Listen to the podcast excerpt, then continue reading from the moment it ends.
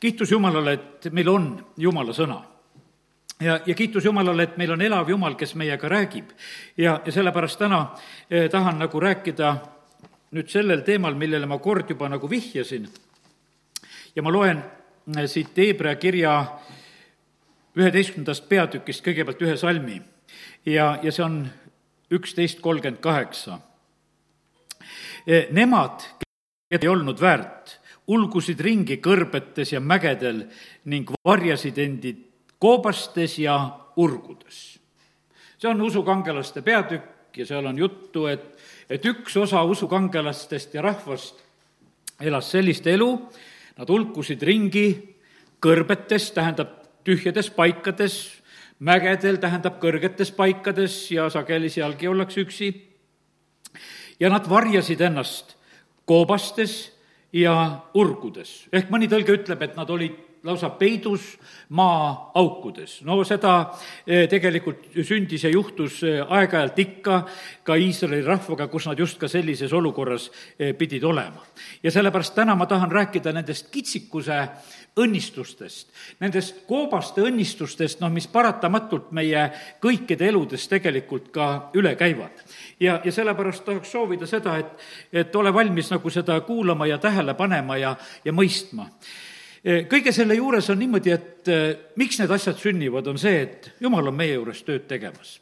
ja jumal on tegemas meie juures tööd ja ta on tegemas tööd meie südame juures meie ihuliikmete koha pealt Jeesus ütleb päris julgelt, ütleb need asjad välja, et parem on minna ühe silmaga taevariiki kui kahe silmaga põrgusse või parem ühe käega või, või ühe jalaga või mis iganes, et ütleme, et nende ihuliikmete koha pealt issand ütleb kohe väga julgelt sedasi, et neid ei ole vaja üldse nagu nii tähtsaks pidada, meie peame neid muidugi väga tähtsaks. aga me näeme, et üks asi, mille juures on tegelikult Jumal väga suure tähelepanuga, see on meie süda. seda ta tegelikult valmistab. ja, ja tahaks soovida seda, et see tänane õhtu oleks samamoodi, kus meie ka just valmistame oma südameid ja et me mõistaksime seda, et, et Jumal on meie juures tööd tegemas ka just kõigi nende olukordade kaudu. Ma ütlen täna, et see ei ole tähtis, kus koha pealt kitsikused tulevad, sellepärast et kitsikus on kitsikus. Eh, kas ta tuleb eh, jumala poolt lükatud meil, kus me oleme kitsas olukorras. Eh, kas ta on vaenlase poolt tehtud olukord? no kitsas on alati, kui on kitsaks elu tehtud. ja sellepärast aga ei ole see alati isegi nii tähtis, et, et millisest allikast see kitsikus tuleb, vaid et mida see olukord meie juures korda saadab. see on nii, et meie vahest nagu vaatame sellele, et, et noh, et mis olukord tuli ja nagu tegeleme nagu sellega. jumal vaatab aga hoopis väga selle peale, et kuidas selles olukorras reageeritakse. kas ma hiljuti rääkisin kunagi seda näidet, et kuidas Ameerika sõjaväge üldse komplekteeritakse ja pastor Šapovalov kunagi nagu juhtis tähelepanu, et seal on üks selline laager, kus neid sõduriks soovijaid lihtsalt kiusatakse. Ja nad viiakse laagrisse ja nad lihtsalt viiakse stressi kõigiti, ei anta süüa ja kiusatakse ja, ja korraldatakse asju väga segaselt ja küll rivistatakse ja, ja küll lastakse magada ja küll ei lasta magada ja, ja aetakse nagu inimesed nagu hästi segadusse selles asjas. ja siis jälgitakse, et kes oskavad selle segaduse keskel veel mõistlikuks jääda. kes kaotavad nagu oma sellise normaalse arusaamise ja või ütleme, et nagu pea kaotavad selles olukorras, no neid ei võeta sõduriks. aga siis vaadatakse neid, et neid, keda kiusati ja, ja kes ikkagi veel tegutsevad, no need kõlbavad. ja sellepärast, kallid, nii see on, et, et jumal tegelikult on, ma usun, väga jälginud jälgimas ja vaatamas seda, et mida meie teeme. mul on hea meel, ütlen seda veel, et mul on need paar korda, mis ma olen just issanda eest küsinud, et kuidas kogudusel läheb ja issand on ikka julgustanud, et saavad hakkama, et sul on hea lahingugrupp, kes on.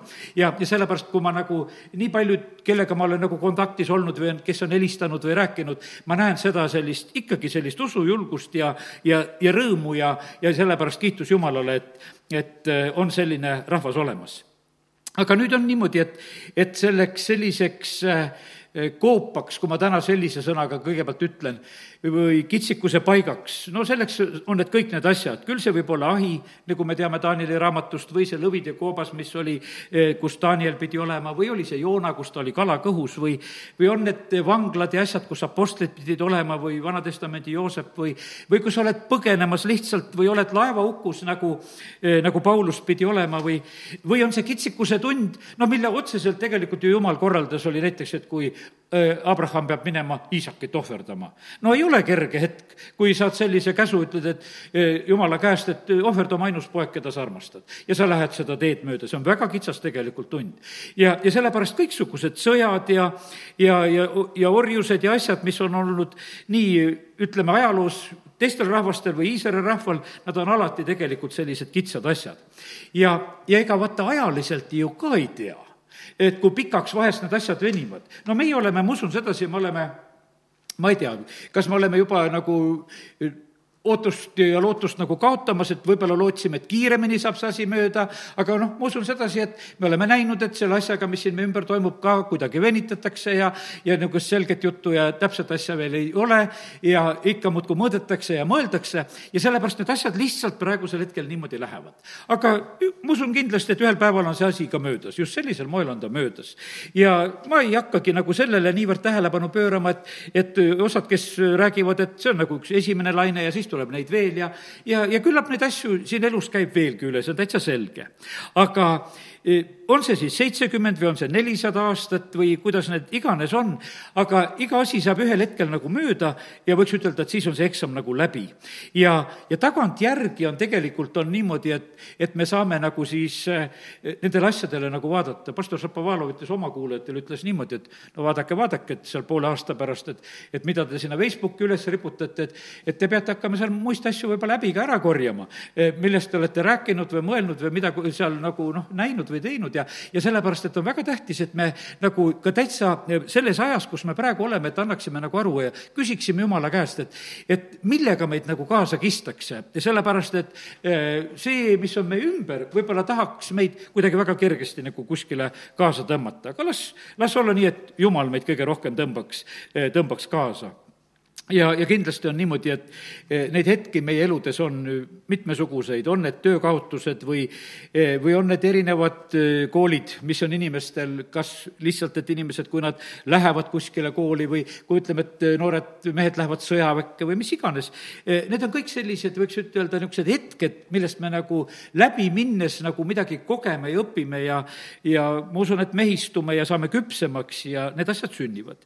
ja, ja on veel igasuguseid lugusid juhtusid, on haigused, sünnib haige laps, me näeme seda, et, et need asjad on tegelikult väga tugevad sellised proovid, mis inimeste eludest üle käivad ja, ja aga jumal lubab meil kõikide nende olukordade keskel olla. ja, ja valdavalt on see nii, et see teeb väga palju just tööd eh, meie südamete juures. nii et kõigil on koopaajad. ja, ja sellepärast sellest eh, ei pääse mitte keegi, võiks ütelda, eh, mõni on tugevamas proovis, teine on väiksemas, aga täna need, tahan hakata nüüd kuskilt otsast pihta neid asju lugema ja jagama, mida olen ka siin issand ees olles kirja pannud teen lahti siin ühe päeva, kus olen issand ees ja, ja olen mõelnud nendele asjadele, mida siin koguduses jagada. ja, ja kõigepealt ongi siin, see on neliteist aprill juba, see on möödunud eh, kolmapäeva eel, kui olin eh, teisipäeval hommikul issand ees, eh, panen kirja sellised read. eksamist, eksamiteks valmistan ma igat ühte ette ja eksameid on üldiselt, on niimoodi, et tehakse ju üksikult ja eksami ajal issand ei ütle meile selliselt ette, et nüüd on eksam, vaid see tuleb lihtsalt. eksam tuleb ja ühel hetkel oleme meie lihtsalt selles olukorras. ja ja eksam on tegelikult vajalik proov just sellepärast, et me ise võiksime tegelikult tundma õppida ennast issand tunneb, tunneb meid ja tunneb meie südameid, selles ei ole küsimust, aga põhimõtteliselt on see väga tähtis, et, et meie ise nagu näeksime ka, et mida me tegelikult nende proovide keskel siis tegema hakkame, kas me jääme rahulikuks, kas me oskame tegutseda või peame veel tugevamaks saama e, siinsamas ongi need sõnad, kus issand ütleb, et tunnen rõõmu teie kogudusest. E, see on olnud väehulga kasvatamine. E, olete siin olnud nagu üksiku lahingugrupina juba pikemat aega ja sinu ümber on jäänud need eh, treenitud, eh, kes on nagu valmis sellises olukorras olema. ja, ja mingis mõttes oleme meie, ja ma olen teinud seda ka nagu kuulekusest issanda ees, et ma ei ole igale poole kaasa jooksnud ja olen paljudest eh, asjadest pidanud nagu ära ütlema ja, ja mitte sedasi, et ma oleks kõigist sellest tahtnud ära ütelda, mõne asja koha pealt tunnen nagu teatud kurbustki, et jumal nüüd, miks sa nagu ei luba. aga ma olen otsustanud, et jumal, kui sa ütled mulle, et ei ole vaja, siis ma ei lähe nende asjadega kaasa.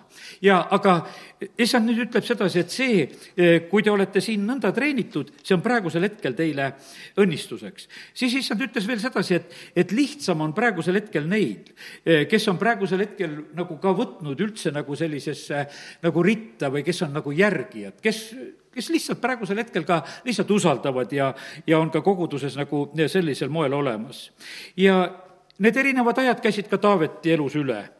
vahest ta pidi oma kangelasi tagasi hoidma ja hoidma neid tagasi tegutsemast ja, ja eriti oli see sellel ajal, kui kangelased vaatasid, et no nii lihtne oleks Saul maha lüüa. ja, ja ta ei lubanud seda teha. Sauli kõrvaldamine, noh, oleks tundunud nagu hea lahendus, aga Taavet tegelikult oli valmis minema seda pikemat teed mööda ja ootama seda aega, millal issand kõik asjad korraldab ja see koopas olemise aeg, see vormib. see kõrb vormis Moosest, kõrb vormis kindlasti Rist Johannest, kõrb vormis eh, Taavetit või vabandust, võib-olla isegi see karjas olemine niivõrd, kui mitte kõrbes eh, Taavetil just. aga eks seal Iisraelis need loomad käivadki mägede peal, kui suvel on hein ära kuivanud, siis seal nagu ei olekski seda, aga lähedalt vaadates ikkagi nendel on seal süüa. ja, ja kui ta on seal karjamaal ja, ja ta on nagu võiks ütelda sellises äh, väga üksikus olukorras. no tuleb külaline, tuleb tähtis külaline, tuleb Samuel külla, tuleb selle aja suurim prohvet tuleb külla, no seda poissi ei kutsutagi. Äh, teistele öeldakse seal, et Iisrael öeldakse, et pühitse nüüd kõik oma pere ja pojad ära, aga ühte poega ei pühitsetagi ära. ja Taavet on karjamaal, teda ei hakatagi pühitsema, sellepärast et noh, ei ole seda karjapoissi vaja ja aga põhimõtteliselt ma usun, et kes me seda lugu ju teame sedasi, et et Taavet sai kuningaks ja sai kuninga võitmise ja mis siis, et teda isegi ei olnud seal ette valmistatud ega pühitsetud, ta tuli selle karjamaa pühitsusega. ja, ja ta tuli ja tegelikult teda võeti kuningaks. ja sellepärast, kallid, me vahest võime, meile võib tunduda sedasi, et me oleme nagu mingis mõttes nagu üksi ja ja, ja võib-olla ei ole kõik tähtsad sulle käsi peale pannud ja, ja sa ei ole nagu noh, kõiges nendes õnnistustes. tead, kõige tähtsam on see, kui sa oled selles jumala õnnistuses, et, et kui see jumala käsi tuleb sinu peale, kui see jumala võitmine tuleb sinu peale. ja, ja sellepärast on see nii, et, et eh, need piiblikangelased, kelle juures täna oleme, noh, võtan järgmiseks korraks Jaakopi eh, ta oli väga kvaliteetses treeningus eh, sellest hetkest, kui ta pidi oma kodust ära põgenema oma venna eest eriti ja, ja, ja siis ta on nagu selles treeningus kuni jälle oma vennaga kohtumiseni. ja seal sünnivad olulised asjad, võib-olla pärast mõnda nagu eh, asja ka nimetan. ja, ja sellepärast on see nii, et oleme meie samamoodi eh, nendes treeninguetappides ja, ja temal oli küll eh, seal Raheli pärast teha tööd ja jälle nagu otsast alata, alguses saab ju Lea endale selleks naiseks ja nii, et tal on seal neid keerukusi, mis on. ja, ja täna ma nagu selle juurde ei tule, aga ma lihtsalt viitan, et võib-olla see on kellelegi nagu õnnistuseks et eh, Abraham elas üle nagu sellist kahe poja kasvatamist. tal oli kaks poega, ütleme, Isak ja, ja, ja siis Ismael. ja me teame, et eh, selle kahe poja kasvatamisega oli ka probleeme, seal oli alguses esimesega ja siis olid, kui nad pisut aega olid ka nagu üheskoos, eh, siis Ismael saadetakse ära ja, ja ta saab nagu selle kahe poja niisugust kasvatusraskust kogeda. Jakob sai kogeda kaheteistkümne poja kasvatusraskust. no seal oli noh, mitmed emad ka ja kui seal olid ja, ja, ja kõik see lugu kokku, seal oli vahepeal ikka üsna, üsna kriitiline ja me teame, mis ju vennad Joosepile tegid ja kuidas need asjad lähevad. aga ma täna tahangi ütelda sedasi, et vaata, need on kõik tegelikult sellised meie elu sellised, võiks ütelda, sellised õppetunnid, millest me läbi läheme. mõnele antakse neid rohkem, teisele antakse neid vähem. ja ja sellepärast on see nii, et Jakob kasvatas neid eluajal ja kui ta oma elu lõpupäevil veel neid õnnistab, siis ta tegelikult räägib välja seda tõde ja õnnistust, mis on vaja.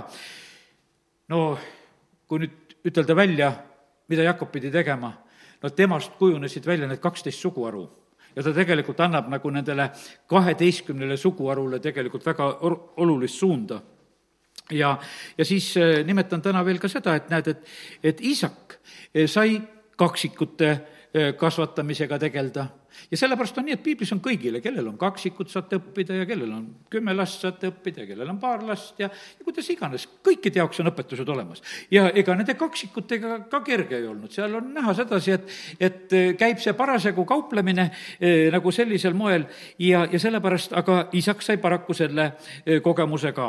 ja kõik need asjad on tegelikult, on eh, väga vajalikud. ja, ja sellepärast ma selle mõtte ütlen praegu, praegu on koolivaheaeg ja, ja praegu on noh, ütleme, pered on üldse, noh, lapsed ei käinudki ju koolis, nad olid kodus õppimas ju suhteliselt pikemat aega juba. Ja, ja sellepärast on pered on koos. Ja, ja see on nagu laste kasvatuses ju ka üks nagu teistmoodi aeg. Ja, ja sellepärast tahaks soovida seda, et, et ka peredel võiks olla praegusel hetkel just selline eh, õnnistatud aeg. kuivõrd need noh, ütleme, probleemid, mis siin meil ümberringi, kui tõelised nad tegelikult on ja kui palju neid nagu meie ümber praegusel hetkel eh, tekitatakse, selle ümber me täna siin praegu palju rääkima ei hakka. aga noh, põhimõtteliselt me oleme nagu sellises olukorras, eh, kus me praegusel hetkel oleme. mina ootan tõesti, ma ootan, millal juuksurid hakkaks tööle, mõnelgi korral sõidan juba juuksurihoovi pealt läbi ja, ja mõtlen, et no kaua ma neid juukseid kasvatama pean, et palju kergem oleks, kui saaks need ära lõigata ja, ja mõtlen, et no miks see peab nii olema, et praegu on selline aeg, et nagu, nagu Simsoni moodi, et pead juukseid kasvatama. ja et no midagi teha ei ole, erinevad ajad eh, lihtsalt käivad üle. Ja aga, ja sellepärast täna tahaks soovida sedasi, et, et äh, ärme kaotame nagu sellist äh, rõõmu, vaid äh, püüame nagu kõigest sellest nagu leida, et no olenemata, mis praegusel hetkel on, et nagu teatud selliseid lahendusi ja ma ütlen, et jumala inimesed leidsid alati neid lahendusi, oli see Gideongi, on raske aeg, tema läheb kuskile surutõrde, seal, kus tegelikult ütleme, mahla pidi pressitama, tema peksab seal hoopis vilja. ja, ja ta leidis nagu lahenduse, eh, kuidas nagu käituda ja olla. teate, kelle käest on meil veel väga õppida sellist koopaelu? Võiks ütelda, on Iisrael Iisraeli riigi loomisest saadik. no nende majades, no meil ei ole selliseid eh, varjandeid tehtud, aga nemad ehitavad oma maja ja nad peavad ikkagi mõtlema selle peale, kus on majas ka varjand. et kui häire käib, et siis oleks, kuhu peitu pugeda. ja, ja nemad on sellega üsna harjunud. aga see on, tegelikkuses on see ju, eh, see on ju üsna alandav meie nagu noh, pole niimoodi harjunud sedasi, et, et meil on nüüd, ütleme, et meil on koosolek ja me oleme koos ja et äkki poe kuskile varjendisse, et oota siis ära, see häire saab mööda, et siis tuleme välja tagasi. aga no nende jaoks on see tavaline, sellepärast et kui on oht, siis ohu eest minnakse peitu. see võib tunduda eh, kuidagi natukese nagu selline kiusav ja alandav, aga see on põhimõtteliselt kujundanud selle rahva sellist praegust elu. Eh, teate, mis nad on kindlasti? Nad on väga valvel Nad on väga valvel kindlasti, nad on väga valvel, kui nad rahva hulgas liiguvad, nad on väga valvel nagu kogu aeg nagu selles mõttes, mis on ümberringi toimumas ja, ja see ei ole ju selles mõttes üldse sugugi halb. ja nad on üks rahvas, kes peavad just selliselt siin selles maailmas praegu elama. ja nii, et, et sellised mõtted olin siin ühel päeval Eh, kui siis nädal tagasi juba issandes olles eh, kirja pannud. jagan nüüd kohe ka veel eh, neid mõtteid, mida ma tänasel hommikul panin kirja ja siis vaatan, palju nende paberite pealt veel saan teile jagada, mis mul siin veel leidub aga tänasel hommikul issand ees nagu küsisin veel üle, et, et kuidas on, et kas seda teemat tänasel õhtul tasub jagada ja sain kinnitust, et jaga, jaga nendest aukudest ja koobastest ja, ja kõigest sellest, mis on. ja, ja, ja sellepärast on see aeg, kus me praegusel hetkel oleme ja, ja siis üks varem sõnum oli ka veel selle koha pealt, et tegelikult on nii, et, et see selline eh, tundmaõppimine, mis meie eludes nagu üle käib, eh, iseenda tundmaõppimine, teiste tundmaõppimine ja see on tegelikult praegu üks väga tugev eksam. me näeme sedasi, et inimesed siin saavad isegi vihaseks üksteise peale, et kellel seda viirust on ja, ja, ja kuidas siis käitutakse ja noh, tegelikult peaks jääma nagu rahulikuks, et noh, kui keegi on gripis, no mis me temaga siis ikka nii väga pahandame, et, et ta gripi kuskilt sai. ja, ja, ja sellepärast on see niimoodi ja täna jumalat, kui sina seda saanud ei ole ja ära teise peale kurjaks saa, eh, kui tal ka juhtumisi gripp on. ja, ja sellepärast on ta nii, et, et et katsume rahu säilitada, see on tegelikult eh, väga tähtis. ja sellepärast on see praegu väga tähtis, et kas meie eh, nagu kuidas ütelda, kuhuni me oleme nagu jõudnud. Eh, kas, eh, kas see küpsemine hakkab juba nagu mõjuma? vaata, selle aasta kohta on öeldud, et see on alandamise aasta. Eh, ma ei tea, noh, kas me oleme osanud nagu selle ajaga juba nagu alanduda või ei ole osanud. see on selline noh, ütleme selline küsimus, et, et mis on nagu toimunud. ma usun, et mingid etapid on juba meist nagu üle käinud, et esimesel hetkel võib-olla selline teatud niisugune leppimatus, mis see siis on, ja siis nagu leppimine ja siis nagu selline mõistmine ja, ja noh, ütleme, et erinevalt nagu käib üle ja, ja, ja siis nagu, nagu noh, püüad nagu mõista sedasi, et ma vahest olen nagu vaadanud samamoodi, et, et noh, vaatad teisi, et osad on väga noh, maskides, kes on ja väga kinni pandud ja mõnedel on veel prillid kätte pandud ja noh, kõik on nii kinni pandud ja ja siis mõtled, aga miks ta teeb, no kuhuni olen jõudnud selle mõttega, olen jõudnud selleni, et nähtavasti on väga haige pere, kas on astmahaiget või mis iganes või et noh, et see võib olla sellisest, noh, ütleme, et mingi võimendatud põhjus, mille pärast ta niimoodi käitub. ja, ja sellepärast on see nii, et äh, tuleb lihtsalt nagu selliselt ka mõista, et, et praegusel hetkel on väga erinevas olukorras olevaid inimesi, sest me ju ei tea äh, naabrite tervist mis see tegelikult on ja sellepärast olgu jumal neid õnnistamas ja las see arusaam ja, ja see rahunemine tegelikult kasvab. no muidugi, ega ma ei varja rõõmu kui ma näen, et mõni on saanud maskist lahti. tead, tead, siis mul, ma olen tõesti rõõmus, vahest vaatad aknast välja, ütlesid, noh, halleluuja, temal enam polegi. oli, oli, aga enam ei ole. ja, ja, ja sellepärast on see nii, et, et noh, tahad ju seda vabanemist näha ja ma ei häbene seda teile, noh, täna niimoodi rääkida. niimoodi see küpsemine ja rahunemine käib. ja, ja sellepärast on niimoodi, et, et katsume nagu ka oma südames just saada nagu leplikuks ja, ja katsume nendes, nende võimaluste keskel kuidagi hakkama saada. Watchman nii, tema raamat kas see loomulik usuelu või nähtavasti selles on see näide, kus ta ütleb, et uppujat saab siis päästa, kui ta ennast ise ei päästa. et siis on uppujat kõige parem päästa, kui ta on enda päästmise lõpetanud. ja, ja päästa saab inimest, kes seda lubab. neli pühapäeval, kui Peetrus kuulutab ja räägib, ta ütleb, et laske endid päästa. ja siis tuleb lasta nendel, tuleb meelt parandada ja lasta ennast ristida, inimesed peavad seda tegelikult laskma teha ja issand ütleb, et mina olen päästja ja laske endid päästa ja sellepärast on see praegusel hetkel on nii, et, et meie võime lihtsalt kasutada seda võimalust, et issand, päästa meid selles olukorras, et kuhu meie oleme sattunud. ja issand tegelikult ootab eh, seda võimalust, millal meie mõistaksime teda kui päästjat lasta endale ligi, et ta võiks meid päästa. ja, ja sellepärast on see nii, et see peab no kuidas ütelda, see valmisolek peab meis nagu küpsema. Iisraelil pidi see orjapõlv seal Egiptuses saama vastikuks ja nad pidid juba väga kisendama Jumala poole ja, ja siis äh, Jumal tuleb vaatama ja kutsub Mooses, et mine neid päästma. ja, ja sellepärast on see äh, väga tähtis, et, et tuleb see valmisolek. ja mis siis on, kui nad on sealt välja saanud? üsna varsti me näeme sedasi, et mitmel korral Iisrael igatseb tagasi jälle Egiptusesse jälle igatseb tagasi, lihtsalt, et, et tekib selline soov, sellepärast et see möödunu sai kuidagi ideaaliks. ja seda, aga tegelikult on niimoodi, kallid, ma tahaks ütelda sedasi, et tegelikult ei ole möödunut olemas. möödunu on möödas ei ole Nõukogude Liitu, ei ole seda Egiptust, kust nemad välja tulid sellel hetkel, no ei saanudki enam olla, sellepärast kuule, Vaaro ka tapeti ju ära. Vaaros sõjavägi oli ka hukkunud. see riik oli täiesti teine, teistsugune, täi-, täiesti teine olukord. seda olukorda, noh, ütleme, endist enam ju absoluutselt ei olnud kui nad oleksid eh, ka sinna tagasi läinud. ja, ja sellepärast nii see on, et ja kui, kui Jakob tuleb tagasi aastate pärast no mis ta on kuskil peaaegu kakskümmend aastat või mis ta on ära, eks, kui ta tuleb tagasi oma venna juurde, ega siis ka enam endist olukorda ei ole. ei ole enam seda Eesavitki sellisel moel. E, noh, kõik on muutunud, ega ta ise ka pole enam see samasugune mees, e, kui ta, kui ta läks, ta on hoopis juba teistsugune mees. ja seal on üks väga tähtis asi muidugi, mis, e, mis on nende kitsaste tundide selline põhiline kogemus, on, ma tahaksin ütelda juba kohe nagu ette ka välja.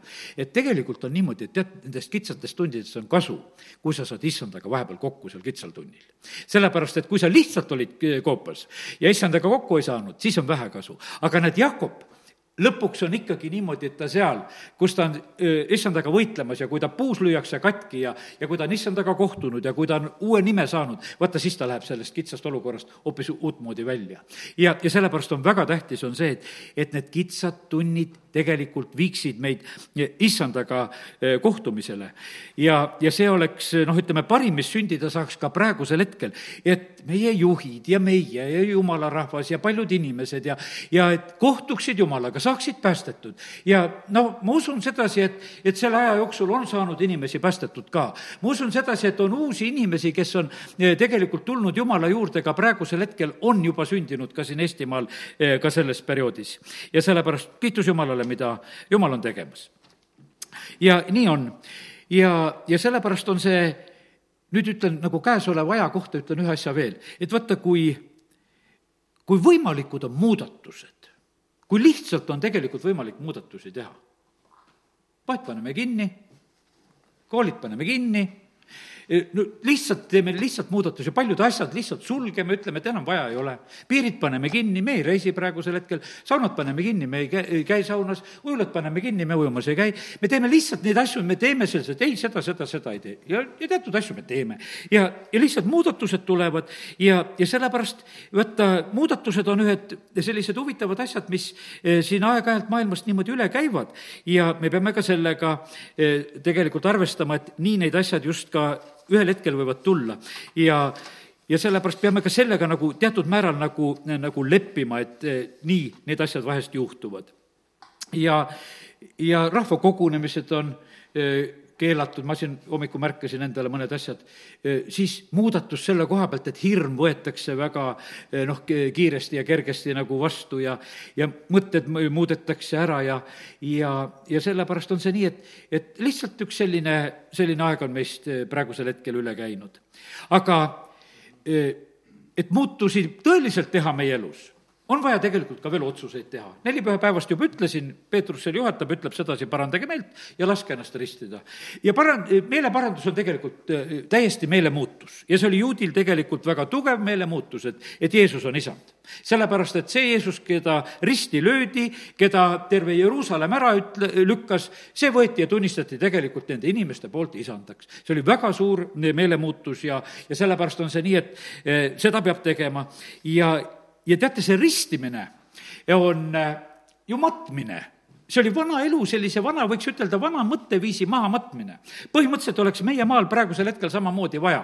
et see mõtteviis, kuhu me praegusel hetkel oleme jõudnud, no seda ei saa selliseks lahenduseks ja asjaks pidada. E, ja sellepärast oleks see väärt igal juhul maha matta, kuhu me praegusel hetkel Jeesust tunnistada isandaks ja, ja, ja maha matta see vana mõtteviis ja minna ühte uut õnnistatud teed mööda. nii kui peale Põhjasõda, ütleme, ja seal, kus Katku aeg käis Eestimaast üle, kui trükiti piibel ja sellepärast meie põhiliseks muutuseks saaks olla see, et see raamat tõstetakse au sisse ja, ja tõeliselt au sisse. et siin ei oleks mitte mingisugust nagu kahtlust, vaid et, et see oleks niimoodi, et aga see saab ainult päästetud inimesele minna tõeliseks raamatuks, sellepärast et mõistusega lugedes ei tule siit niikuinii midagi välja ja, ja sellepärast meil on vaja, meil on vaja seda meeleparandust, ülevalt sündi, meil on vaja seda, et meie hing saaks päästetud, eks.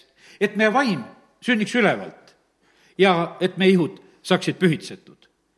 sest mõned asjad jäta lihtsalt endale niimoodi meelde. hing vajab sul tegelikult päästmist, vaimulikult sa sünnid uuesti, vaimust sünnid uuesti, su vaim peab saama ülevalt sünni ja, ja siis see mõjub ihule ka hästi, see pühitseb su ihu ka.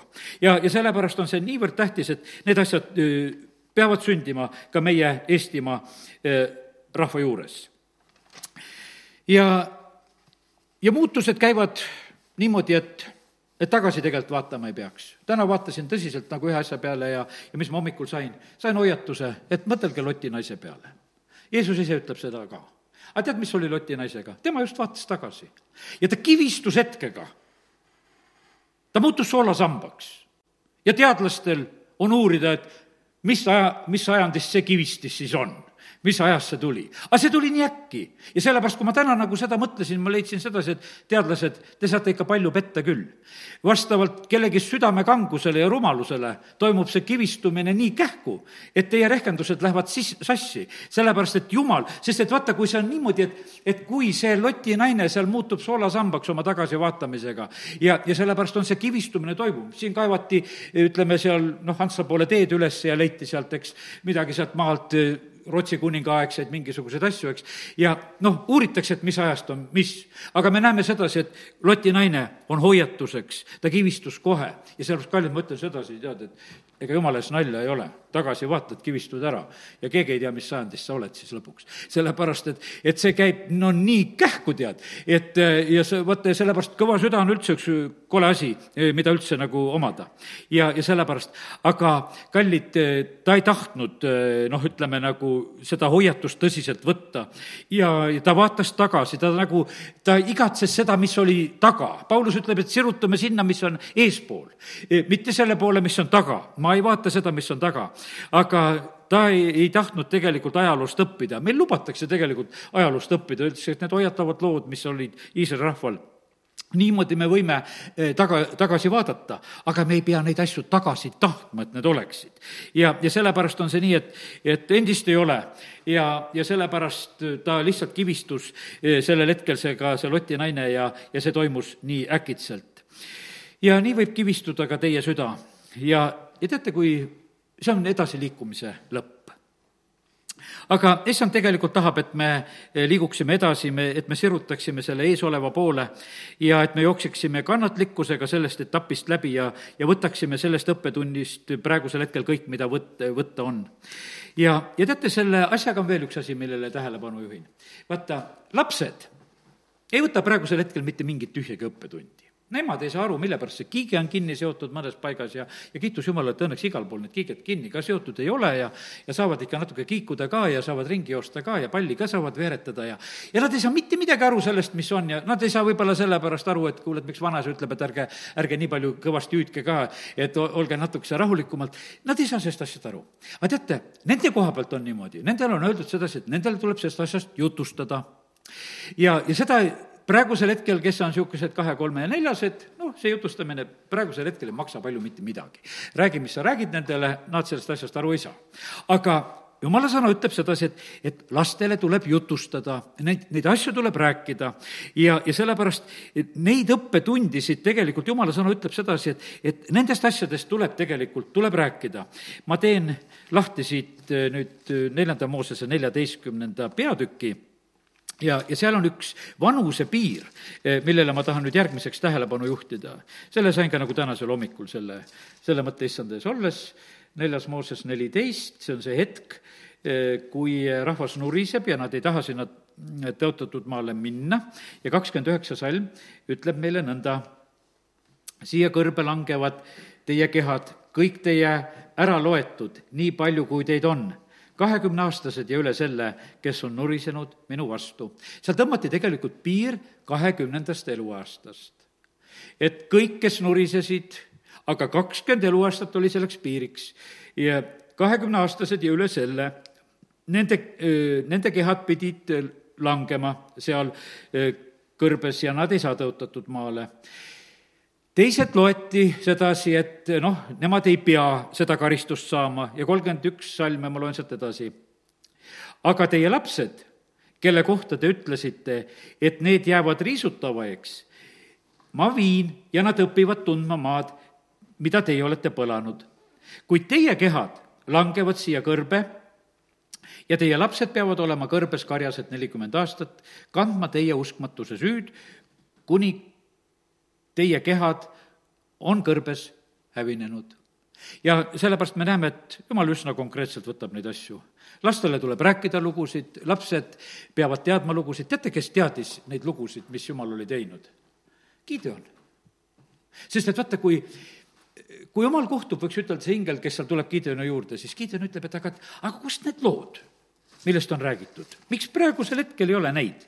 Ja vaata, ja sellepärast on nii tähtis, on see, et see on kuuendas peatükis nähtavasti see koht, ma usun, et leian kohe. kuus kolmteist kohtumõistetes, jah. ja Gideon vastas, oh mu issand, kui issand on meiega, mispärast on siis see kõik meid tabanud? ja kus on kõik tema imeteod, millest meie vanemad meile on jutustanud, öeldes, eks ole issand meid Egiptusest ära toonud, aga nüüd on issand meid maha jätnud ja Midjani kätte andnud mm. -hmm. aga vaata, kui tähtis asi tegelikult, mis oli, et Gideoni vanemad olid jutustanud. Nad olid rääkinud nendest imetegudest, et kuidas tegelikult Egiptusest välja tuldi ja me näeme sedasi, et vaata, kui suur õnnistus on tegelikult, et lastele tuleb rääkida. lastele tuleb rääkida nendest asjadest, mida jumal on teinud ajaloos, mida ta ka praegusel hetkel teeb, nendest imedest, mida ta teeb. see tegelikult on suureks õnnistuseks ja vaata, selline mees nagu Gideon, kellele oli räägitud neid lugusid, jumal sai sellest mehest tegelikult teha juhi. vaata, see mees oli niimoodi, et tal oli kohe nagu võtta sedasi, aga meile on räägitud neid asju, aga miks neid asju praegusel hetkel ei ole? ja ma usun sedasi, et usuelu on üldse palju viinud edasi need, eh, kes on võtnud jumala sõnast niimoodi kinni, oli see kas või Kennet Eigen, eks, et, et sõna ütleb sedasi aga miks minu elus see nii ei ole? ja poiss hakkab ajama ennast ise püsti lihtsalt oma haigavoodi pealt, lihtsalt sõna alusel. sellepärast, et siin on räägitud sellest asjast nõnda ja ma võtan sellest kinni ja sellepärast usk tuleb kuuldust ja sellepärast meil tuleb lastele rääkida. ja, ja sellepärast kiitus Jumalale. Nendele tuleb tegelikult jutustada. Nad ei saa sellest praegusel hetkel aru, mis toimub ümberringi, aga hiljem, kui nad kasvavad, nad peavad teadma neid jutustusi ja see on tegelikult äh, väga oluline ja Gideonil oli selline otsiv süda ja, ja sellepärast see oli väga suureks õnnistuseks, et tal oli räägitud. ja teate, issand ütles sedasi, et ega sina ei tea, kellele sa tänasel õhtul räägid sa ei tea, kellele sa räägid. no ma mõtlen selliselt, ma usun, et ma räägin noh, kõigile enam-vähem, kes kuulavad, mingid häälekõmad ja kõik kuulete. aga eh, kes päriselt kuuleb, mida issand räägib, vaata, seda mina ei tea. seda teab tegelikult see inimene ja teab issand ise, kellele nagu mõni selline sõna läheb nagu päriselt niimoodi kohale, et, et, et ta on nagu issandaga vestlemas, et kus ta läheb nagu dialoogi, kus ta hakkab ise küsima ja, ja kus ta hakkab eh, rääkima ja, ja sellepärast ja issand ütles, et tean täna, kellele seda juttu räägin. ja, ja eesmärk on, et te minu plaanides edasi liiguks. ja, ja sellepärast kiitus Jumalale, et, et Jumal tahab meid edasi viia ja, ja on seda tegelikult väga tõsiselt tegemas.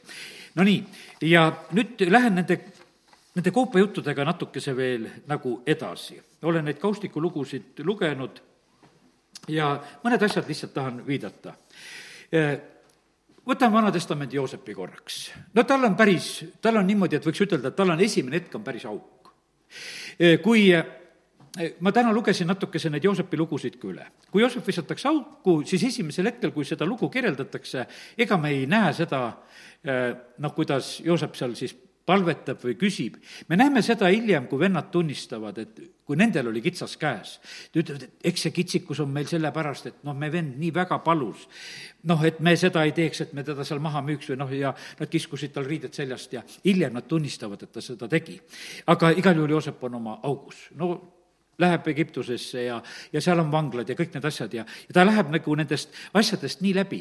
ja vaata, ja põhiliselt oli ju nagu see väga tähtis asi, et, et vaata, Joosepi lugu pidi jõudma teate ka kus kohta välja.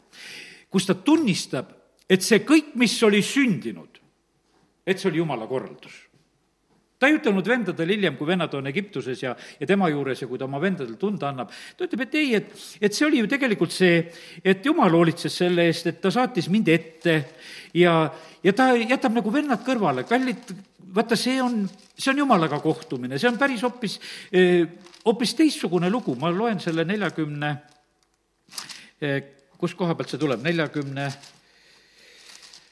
viiendast peatükist nähtavasti on see salmid, kus on need öeldud viies salm kuidas ta ütleb oma vendadele, aga nüüd ärge kurvastage ja ärgu süttigu teil isekeskis viha, et te müüsite mind siia. no ta tunnistab, et te seda tegite. Eh, sest eh, teie elu säilitamiseks läkitas Jumal mind eele. see lugu, ta ütleb, et jah, oli niimoodi, et teie müüsite, aga tegelikult veel teie endi elu säilitamiseks. jumal läkitas mind siia eele. ja kaheksas salm. nii ei ole teie mind läkitanud siia, ta nagu noh, hiljem kordab veel sedasi üle, et võib-olla noh, no mis ma pidin torkama, et teie müüsite, et noh, oli sedagi siis vaja nüüd ütelda. no hea küll, ma ütlen teistmoodi selle salmi veel üle. niisiis ei ole teie mind läkitanud siia, vaid Jumal tema on mind pannud Vaarole isaks ja isandaks kogu ta kojale ning valitsejaks ja kogu Egiptuse maale no selge see, et vennad, kui seal müüsid, ei mõelnud, et müüme teda Egiptuse valitsejaks, et saadame teda, las valitseb Egiptust. ei, nad võib-olla isegi ei osanud seda irooniatki teha sealjuures, et, et saadame selle valitsuse, valitseja sinna Egiptust valitsema. aga Joosep ütleb sedasi, et, et ei ole teie seda teinud, vaid Jumal. ja sellepärast, kallid, vaata, see on selline, see on selline Jumalaga kohtumine, kus sa seletad asjad nagu sellest Jumala vaatevinklist ära. ja sellepärast on niimoodi, et vaata, sellest kitsikuse tunnist läbi minnes, kui me saame selle Jumala seletuse, vaata, siis see on täiesti teistmoodi. ja sellepärast on see niimoodi, et ma tahaks, et et me jumala rahvana ja, ja meie juhid ja, ja et me saaksime neid jumala käest seletusi selle olukorra kohta, milles me oleme. teate, me oleme rõõmsad siis. siis me oleme vabad. siis me räägime üksteisele julgelt, et tead, see oli sellepärast, et see asi oli praegusel hetkel niimoodi, nagu ta meil oli. sest et kui jumal annab selle seletuse, aga see ei tule ennem, eh, kui me saame selle seletuse jumala käest, kui me saame jumalaga kokku. Eh, kui me oma südame kõiksugu kangused ja asjad maha paneme. eks Joosepil läks ka aega selleks, et vaata, kui ta seal vanglas veel oli, et kuule, et noh, ma ei ole ikkagi siin õige asja pärast vanglas ja, ja kosta mu eest, ütleb sellele, eh, sellele joogikallajale, kui sa välja lähed ja, ja siis ta süda ei olnud veel nii vaba, aga me näeme siin, sellel hetkel oli ta täiesti vaba ja oma vendadega vaba ja, ja sellepärast kiitus Jumalale. Daniel eh, on niimoodi, et kui ta on seal, visatakse lõvide auku. vaata, tema on niimoodi, et tuli muutuste aeg, tema elu muudatust ei tulnud. seal keelati palvetada, tema ikka palvetab. ja see on Danieli raamatu kuuendas peatükis, ma teen ka selle koha, eh, teen korraks lahti, ja, ja vaata, seal on selline eh, Danieli koopatund on selline, et ta läheb kuidagi üsna vaikides sinna. me näeme sedasi, et kuningas eh, on väga mures et ta niisugust asja teeb ja sellepärast olgu meie kuningad ja ülemad ka väga mures, ärgu nad ka öösel magagu ennem, kui asjad korda teevad meie rahva jaoks. sest me näeme sedasi, et kui kuningas e, viskas selle Danieli sinna e, lõvide auku, ta ise paastus ja palvetas. Daniel, noh, visati auku, aga kuningas ise, tead, ta teeb seda. ja sellepärast olgu see nii, et riikide juhid praegusel hetkel, e, kes, kes noh, ütleme, asju ajavad kadugu nendel uni, ennem kui nad rahvale asju korda ei tee. sellepärast Valgevene juht ütles sedasi, et, et see noh, ütleme see puhastusvedelik, et see on nagu bensiinipudel ju tegelikult, et seda ei tohi lastele anda. no tuleohutusmärk on igalühel peal, see on praegu igale poole, igasse trepikotta ja kohta, igal pool topitakse, topitakse neid, neid pomme, mis mõttes seda tuleohtlikku materjali igale poole panna. aga, ja sellepärast siin peaks tulema nagu selline nagu mõistus kohale, et mi-, mida me teeme. ja, ja sellepärast niimoodi, et me näeme, et kuningas küll tegi, ta oli nagu oma sõnade lõksus ja ta pidi selle asja ära tegema, aga ta ise tegelikult pastus ja, ja palvetas ja hommikul on ruttu vaatamas, et, et oleks ikka, Daniel oleks elus. ja Daniel oligi tegelikult elus. nojah, kui alguses palvetasime siin, et vaata, kui kuningas Joosafat ütles, et jumal, mõista sina kohut. ja teate, siin oli ka tegelikult, kuningas mõistis kohut. Need, kes Danieli peale kaebasid need visati lõvide auku. ja jumal ise teab, mis, mis on siin selles maailmas praegusel hetkel, et, et see maailm on nii pahupidi ühtäkki nagu pööratud. ja sellepärast on see niimoodi, aga jumal on õiglane kohtunik. ja, ja sellepärast usaldame selle osa ka tema kätte, ta ütles, et Danieli jumalat tuleb teenida, aga need, kes selle vandenõu tegid Danieli vastu, need las lähevad sinna lõvide auku ja need ei saanud langedagi, kui lõvid neid juba haarasid. ja, ja sellepärast, kallid, jumala sõna on jumala sõna ja me näeme sedasi, et koopas on igasugu õnnistusi mõned võivad olla seal niimoodi, et saadetakse ingel, kes paneb lõvide suud kinni ja on rahu majas, aga teised ei jõuagi sinna koppa põhja, sest juba püütakse kinni. ja, ja sellepärast nii, nii tõsine on tegelikult eh, see asi meil eh, just ka eh, siin Jumala ees elades ja olles. Mooses on seal, eks, oma karjamaal ja karjatab samamoodi seal ja, aga jumalaga kohtumine põleva põõsa juures, väga oluline asi ja sealt läheb edasi. ja siis on need kõrbetunnid, võiks ütelda, möödas, kui sa oled jumalaga kohtunud. oled täiesti teine mees, neljakümne aasta pärast lähed tagasi Egiptusesse, jumalaga kohtumised nelikümmend päeva seal kaks korda, kui ta on seal mäe peal, väga tähtsad asjad. ja, ja sellepärast on need, need mäed, need kõrged paigad, need mäed on tegelikult sellised vaata sealt, kui sa oled mägedel, ma lugesin alguses, et Hebra kiri ütleb, et see, kes on seal mägedel ja, ja kes on koobastes ja kes on nendes maaaukudes ja, ja urgudes ja kuidas seal on öeldud sedasi. vaata, mäe pealt sa näed. no ma usun, et valdavalt Eestimaa inimesed, kõik me oleme Munamäel ära käinud, eks. aga mis sa seal teed? mis sa teed Munamäel? sa vaatad kaugele ja vaatad ka lähedale ja, ja vaatad, mis seal talupoe peal tehakse natukese ja, ja vaatad ka seal kaugemale ja aga sa oled eh, nagu mäe peal ja, ja su pilk on tegelikult hoopis kuskile kaugemale suunatud. no Mooses pidi lõpuks tõotatud maadki sealt vaatama. ja, ja sellepärast need, need sellised tunnid, kus sa tegelikult oled, kas siis selles kõrbes või, või mäe peal või kus iganes, no need on tegelikult väga olulised eh, tunnid. noh, vaata, ta oli põgenenud, Mooses oli põgenenud sinna. Ja ma ei tea, paljud kristlased on ka põgenenud, ei tea, kus kohta, põgenevad inimesed teevad oma igasuguseid käikusid ja osad panevad siiapoole, sinnapoole. Aga teate, ma ütlen sedasi, et ega ennem nagu head asja ei tule, kui sa saad jumalaga kokku kui sa seal põleva põõsa juures oled, kus sa saad jumalaga jutud ära rääkida. ja, ja sellepärast on see niimoodi, et, et noh, ütleme, et Mooses samamoodi nagu lahendas, no läksin praegusel hetkel Egiptuses, läks asi vussi, tead, ma panen siit jooksu praegusel hetkel, et otsin kuskil mujal, et ma püüan hea olla. tead, nad on kõik head, kui nad põgenevad tead, mille pärast, kui head on kõik põgenejad? Nad annavad kaevul kõigile juua joodavad loomasid ja seal Jaakop läks samamoodi ja kõik nad muudkui on, kõik on ühed niisugused suured sõbrad seal, kui need põgenejad. ja nad, praeguse aja põgenejad on samasugused. Nad on rõõmsate nägudega ja, ja abivalmis ja, ja nad põgenevad ja, ja teevad. aga teate, tõeline asi tegelikult jõuab siis kätte, kui nad saavad jumalaga rääkida. ja vaata, siis tulevad tagasi ja hoopis ühe täiesti teises olukorras ja sellepärast eh, eks need koopatunnid igalühel nagu kas ise joostud või, või kuidas need on lubatud, aga näed, igalühel kuidagi nad vahest tulevad kätte. ja, ja vaata, kohtumõistjate seal Gideoni ajal oligi niimoodi, et ainult Gideon ei olnud ju tegelikult koopas. seal oli niimoodi, et Midjani pärast tegid Iisraeli lapsed endile mägedes olevad õõned ja koopad ja redupaigad ja, ja, ja noh, nii ta ongi, noh Eestimaal on ka niimoodi, et on metsavendasid olnud ja kõik on olnud ja, ja ütleme, et ja, ja, ja olid voitkadki olid metsas ja tehakse filmid ja tehakse, kas on kangelased või ei ole kangelased ja aga, aga vaata, need, need on väga sellised tõsised hetked, mis kujundavad inimesi. tead, ega alati koopas head ei sünni. teate, mis ei sündinud hästi? kui Lott oli koopas, mis seal sündis, teate küll, eks? tütred otsustavad jodama isa täis ja et sa järglast saada ja mõlemad tütred said ja sealt tulidki need moabid ja ammonlased, kellest me järjest loeme ja see oli ka Koopa lugu.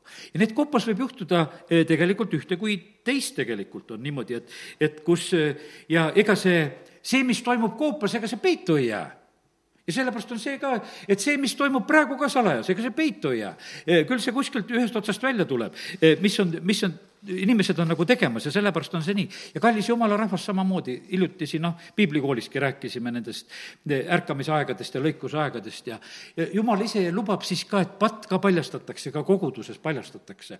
kus on pattu, see tuleb lagedale, jumal ei saa sellist kogudust eh, taevasse viia, patt paljastatakse. me ootame vahest nagu selliseid ärkamisaegu, aga, aga see on siis täpselt nii, nagu noh, sa ei tohi Jeerikust võtta sa ei tohi valetada, nagu Ananias ja Zafira, ja ütleme, et see aeg, kus me praegu ka jõuame, me ikka ei tohi patuga leppida siin, et me teeme pattu ja, ja teeme püha nägu. sellest ei tule midagi välja.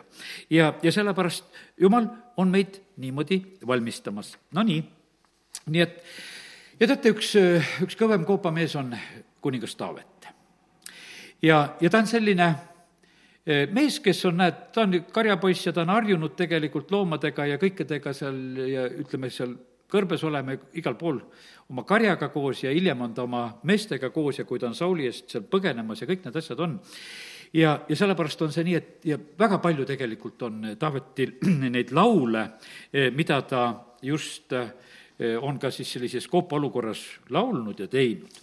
ja ma täna võtan korraks need lahti nüüd, kui on niisugune teema meil, eh, näiteks laul viiskümmend seitse ja see on laul viiskümmend seitse, see on Taaveti mõistulaul eh, sellest ajast, kui ta põgenes eh, Sauli eest ja eh, koopasse, ta on seal Abdullumi koopas, laul viiskümmend seitse ja ega me neid kõiki ei jõua lugeda, aga ma mõnele asjale juhin nagu tähelepanu. armastame Taavet ja Taaveti laule, aga see laul otseselt on just sellest perioodist.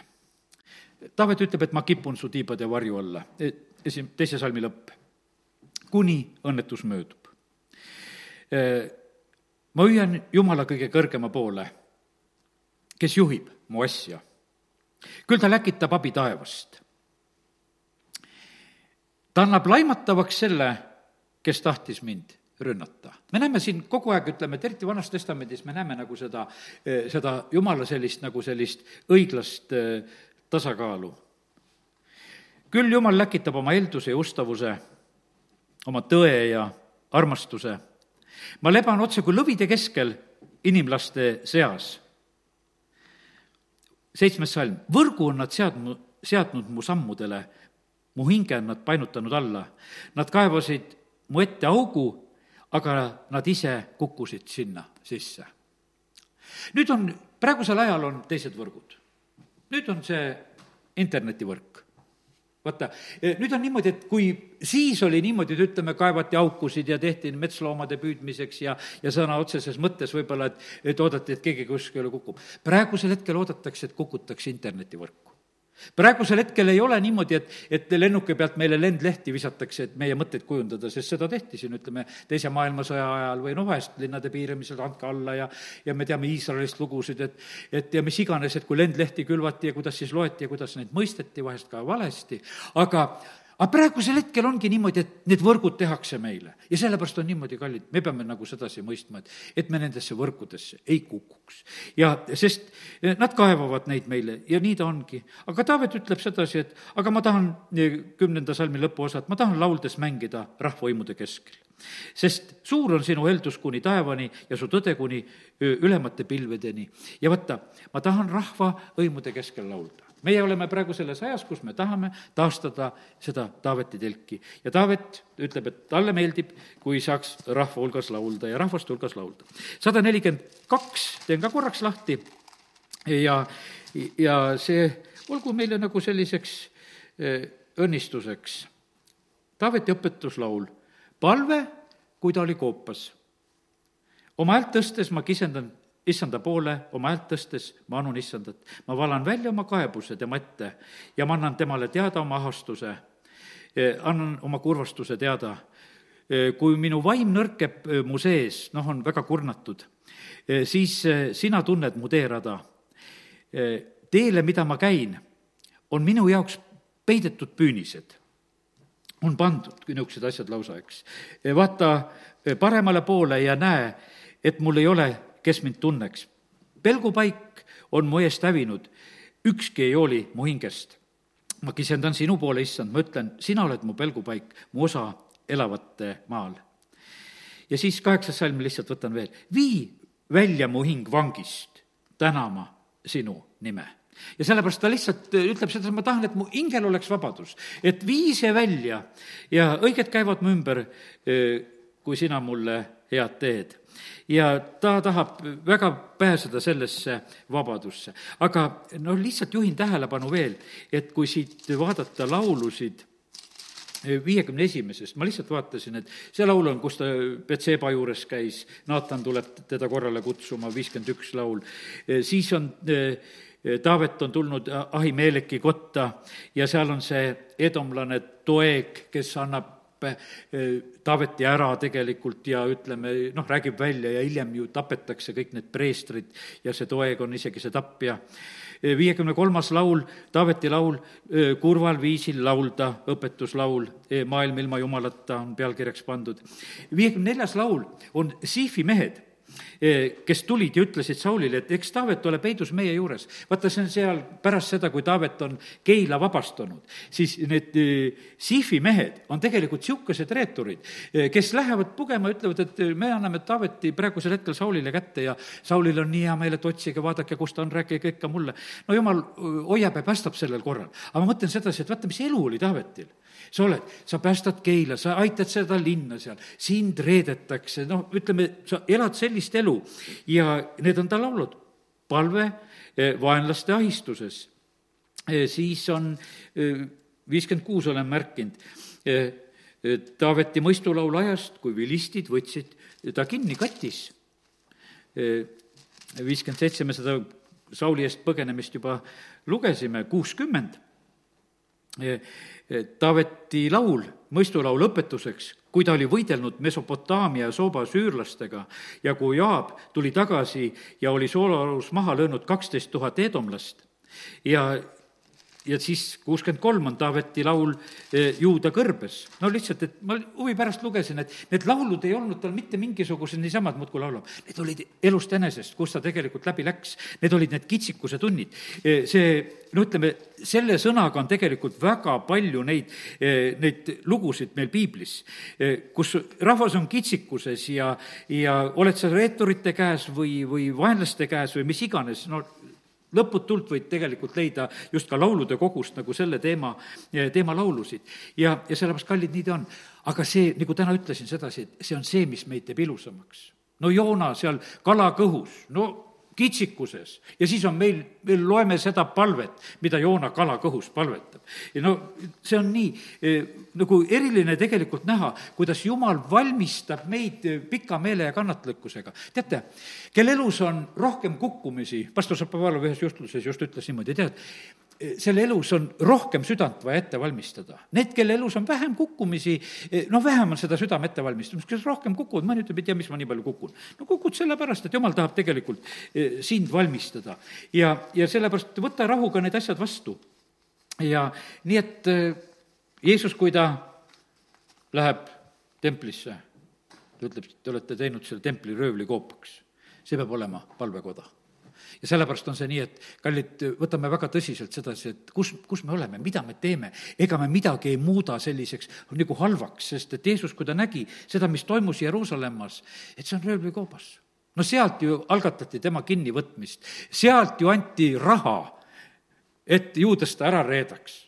sealt ta võtab ju selle on röövlikoobas, kuhu ma tulin praegusel hetkel. ja sellepärast Jumal näeb nagu hästi, Jumal näeb kõike, pea lõpuni vastu Ebjatar, kui vaata see Doeg seal, kellest me lugesime, eh, lööb maha need preestrid, Ebjatar pääseb minema. ja viimases lõpuks, kui Adonia teeb mässu Taaveti vastu, Ebjatar läheb Adonia poole üle viimane hetk, mõttetu tegelikult samm. aga vaata, kõikidel on võimalus, kallid, meil on võimalus praegusel hetkel teha õigeid ja valesid sammu. võib-olla see aeg saab varsti mööda aga ma ütlen sulle, et ära tee viimasel sellisel päeval valet sammu ei ole mõtet teha valet sammu. küsi Jumala käest, kus läheb õige tee, sellepärast et vaata, sa teed nagu ühe vale sammu ja, ja, sellega sa nagu, nagu määrad kõik. ja, ja sellepärast on see nii, et need niisugused pöördelised hetked ja ajad on sellised, et meil on vaja teha niisugused õiged sammud. ma mäletan seda, et, et noh, et et kui Nõukogude Liit hakkas lagunema, Eesti iseseisvust hakati taastama, no kes meist siis päriselt teadis, kuidas see läheb?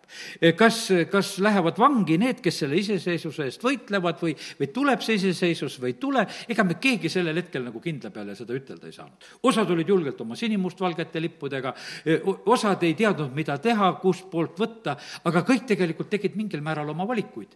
ühed taastasid Vabadussõja, ristisid nendel noh, sõdurite haudadel, teised lõhkusid neid, need asjad toimusid Võrus ühed tegid ühte, teised tegid teist ja kõik said teha valikut. me rääkisin alles hiljuti, meie panime plakatid üles, et kuulutame evangeeliumi, teised kiskusid maha. kõik saavad midagi teha ja sellepärast on see nii, et me oleme siin, kus me saame oma tegusid teha. aga kallis jumala laps, ma tahan ütelda sedasi, et ära, ära ole kuidagi nagu petetud, tee midagi head. tee nagu näiteks tegi Obadja. kui Iisabel hakkas hävitama seal prohveteid, ta pani viiekümne kaupa sada prohvetit koobastesse peitu ja, ja söötis need leiva ja veega. ja vaata, jälle üks õnniskoobas oli olemas, e, mida ta tegelikult tegi. ja, ja sellepärast, kallid, ja lõpetan selle jutu, lähen juba kaugele ja lõpetan selle jutu niimoodi, et kõik, kes on haudades, kõik, kes on kitsikuses, kõik, kes on koobastes, Jeesus pandi ka kalju hauda ja äratati sealt üles. aga ma toon nagu selle Johannese viis kakskümmend kaheksa, et ärge pange seda emeks, sest tuleb tund mil kõik, kes on haudades, kuulevad tema häält. ja sellepärast ma tahaksin soovida sedasi, et kõik, kes on kitsikuses, ma ei tea, võib-olla pole su, sinu kitsikusest täna sõnakestki rääkinud, aga ma tahaksin, et kes sa oled selles kitsikuses, et kuule issanda häält. vaata, siis sa oled tegelikult, oled õnnistatud, kui sa seda saad kuulda ja, ja vaata see, mida siis issand ütleb, see ongi su lahendus, nii et, et tegelikult võtame vastu kõik need kitsikuse õnnistused. ja teate, kuidas jumal tahab sellest kitsikusest meid viia avarusse välja. ta on nagu selle peale tegelikult väga-väga eh, nagu mõtlemas, see on no nii kindel jumala tahtmine, ma vaatan, kus see Hiopi raamatu salm peaks olema ta meelitaks sindki kitsikuse kurgust piiramata avarusse ja su laud oleks täis rasvast rooga. amin. tõuseme ja oleme palves. Isa, ma tänan sind, et äh, võime olla su sõna juures ja ja ma usun seda, et jumal, see toob meie südametesse rahu. isa, ma tahan paluda seda, et kellel on kitsas, et ta selles kitsas olukorras kuuleks ja näeks sind. isa, ma palun seda, et me oskaksime oma mured veeretada sulle, on need tervisega, on need majanduslike asjadega, on need lastekasvatusega, vahet ei ole, mis valdkonnast need on. aga jumal, me täname sind, et me võime igasuguses kitsikuses tegelikult kippuda eh, sinu lähedale. isa, me täname sind, et see on sinu tegelikult selline eh, soov ja tahtmine. sina meelitaksid meid sellest kitsikuse kurgust piiramata avar, avarusse. me täname sind, issand, et sa oled ikka valmis seda tegema. isa, kiitus ja tänu sulle Jeesuse nimel. amin